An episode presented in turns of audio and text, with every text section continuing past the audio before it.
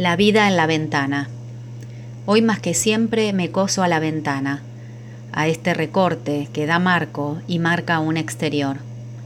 Los pajaritos se acercan a comerse las moras y las semillas del falso cafetal que caen con su música vertical. Las hojas se balancean recortando un movimiento pausado y vivo.